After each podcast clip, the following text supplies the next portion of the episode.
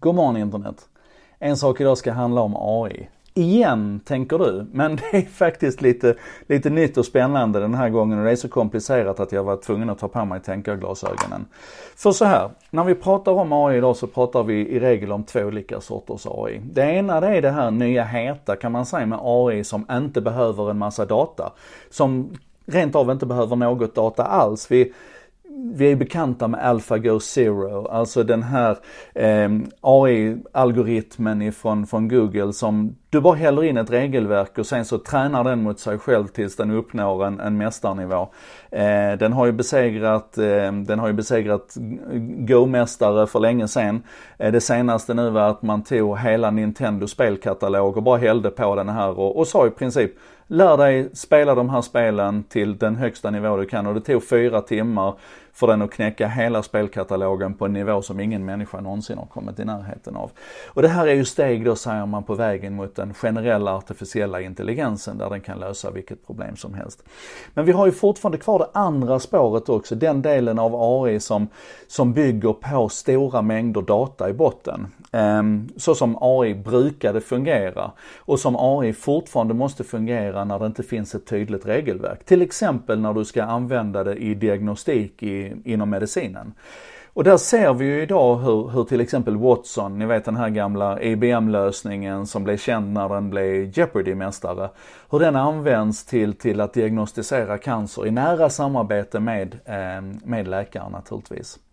Det man tittar på här nu det är hur vi kan använda AI för att eh, läsa av eh, hjärnröntgenbilder, alltså brain scans, för att hitta tumörer.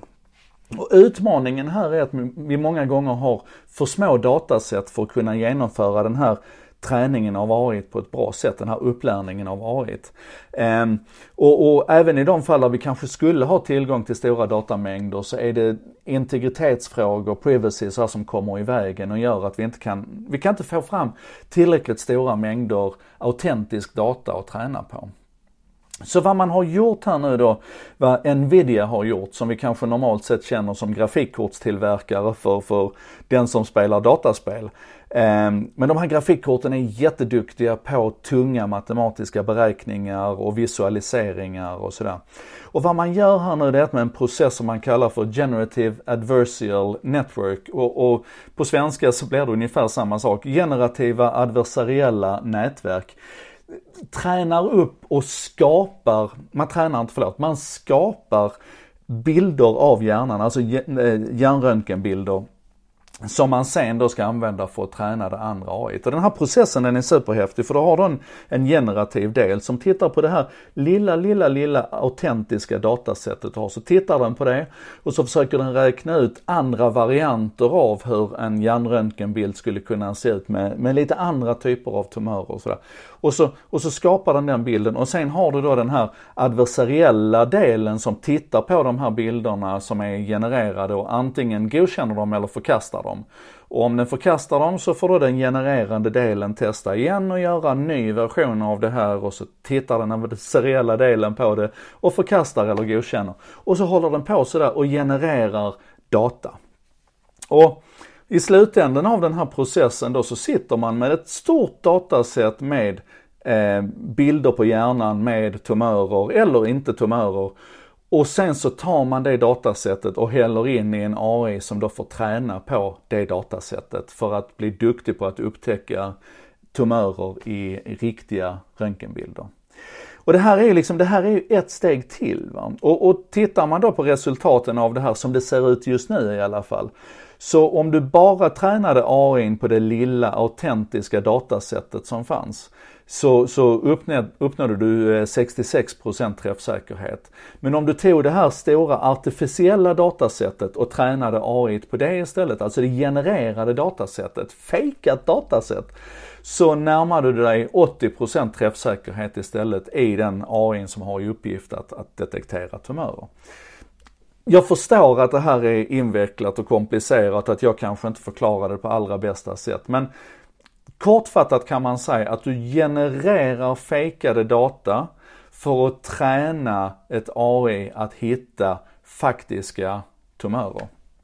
Och det här är helt mindblowing för att det här tar ju liksom hela hela idén om AI till en helt ny nivå. Och det här behöver vi fundera på för att det känns som att det går inte en dag nu utan att vi spränger nya gränser, nya barriärer. Där den ena upptäckten accelererar den andra upptäckten och vi, vi liksom sluter de här looparna på ett helt magnifikt sätt. Och varje steg vi tar i den här riktningen, det, det, det gör det mycket mer nödvändigt att vi börjar fundera på inte banala frågor som kommer AI att ersätta människan, utan att hela tiden tänka spänstigt och försöka se vad är det vi kan göra i den här kommande situationen där maskinerna gör i stort sett allting som har med beräkningar och tänkande och, och, och utforskande att göra, när maskinerna gör det bättre. Vi måste hitta vår plats i detta. Eh, och även om det ligger långt bort så måste vi börja tänka de tankarna nu, menar jag.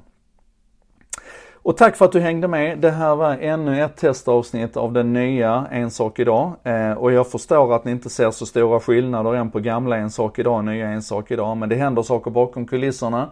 Och jag skruvar på det här konceptet och eh, tack för att ni hänger på. Fortsätt komma med kommentarer, fortsätt dela till andra. Eh, så gör vi det här tillsammans. As always. Och vi ses imorgon faktiskt.